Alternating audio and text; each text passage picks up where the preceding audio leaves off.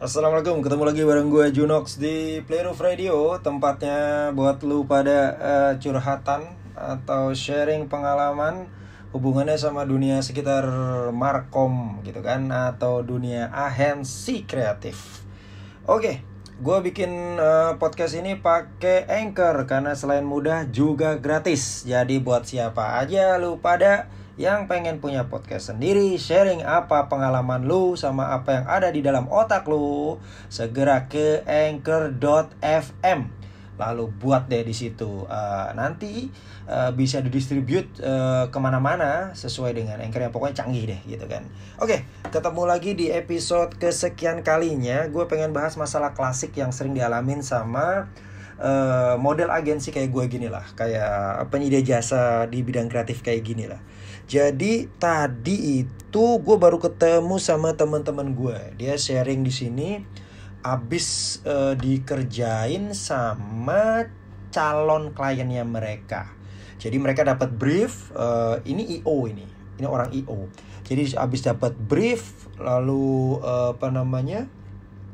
Dikasih uh, revisi macem-macem katanya uh, udah pastilah kayaknya di di apa di timang-timang gitu uh, pasti bakal dapat projectnya tapi hasilnya ternyata akhirnya cuma dapat sepucuk email yang intinya kami mohon maaf belum bisa bekerja sama dengan pihak Anda terima kasih sudah uh, berpartisipasi dalam proses pitching dari perusahaan kami Semoga bla bla bla bla bla bla. Case-nya kena apa? Ternyata si klien itu calon kliennya itu sudah ada vendor lain. Jadi intinya adalah si IO-nya temen gue ini, IO-nya temen gue ini, fan organizer ini cuman dijadiin pembanding. Jadi uh, flashback tuh sebulan lalu diundang, dikasih brief, pokoknya kan ada project ini kita sebenarnya udah ada udah ada IO yang udah langganan kita udah kayak 2 3 kali selama 2 3 tahun jadi langganan kita tapi kita pengen sesuatu yang beda. Lalu kan dengan semangat berapi-api temen gue ini submit uh, ide segala macem eh ujung-ujungnya dimentain and you know what ternyata si kliennya balik lagi ke si IO event organizer yang lama. Lah terus ngapa ngapain pertanyaan temen gue ngapain lu sampai abis-abisin waktu buat ngepitch lalu ngabis-ngabisin apa namanya uh, waktu juga buat uh, dengerin kita presentasi?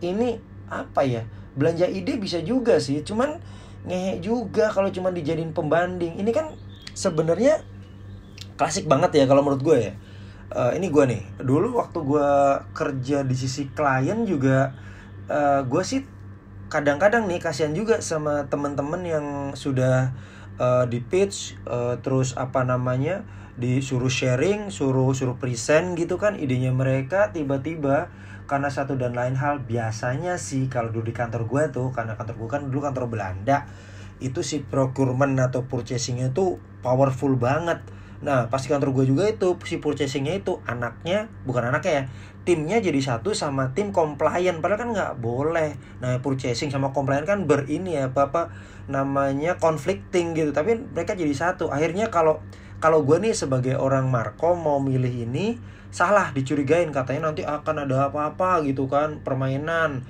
dapetin sesuatu gitu kan. Nah sementara kalau dia boleh itu aja. Nah si purchasing atau procurement di satu perusahaan itu biasanya juga pegang ini nih pegang apa namanya?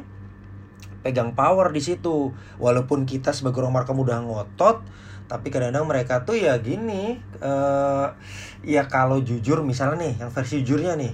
Versi jujurnya kan kadang namanya purchasing kan uh, eh, KPI-nya harus nawar gitu kan.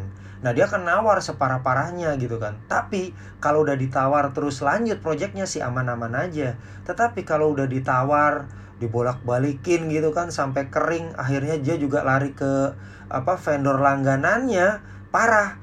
Yang ada adalah bahasa yang ditangkap saat si purchasing ini lari ke vendor langganannya dia ngomongnya gini nih pasti kan semuanya urusannya harga kan. Jadi bilang gini eh si A harganya 100 lu bisa nggak uh, dengan harga 50 tapi kerjain kayak si A? Terus di share dong ya kan konsepnya semua di share ya risikonya kita dong sebagai vendor di share di open segala macam ya kita nggak bisa ngapa-ngapain sih. Nah parahnya adalah kalau udah dijalanin sama orang lain meskipun tidak sekeren kita yang namanya KPI juga KPI harga jadinya ya udah kita nggak dapetin apa-apa gitu kan.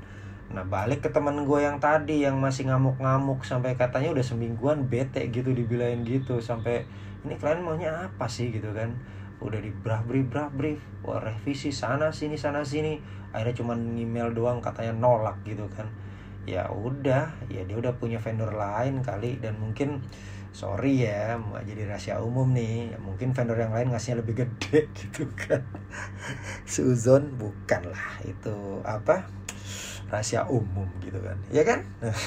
Oke masih ditunggu uh, buat lu pada yang punya cerita apa pun kasih ke gue deh. Nanti gue bacain insya Allah oke sampai ketemu di episode selanjutnya. Assalamualaikum warahmatullahi wabarakatuh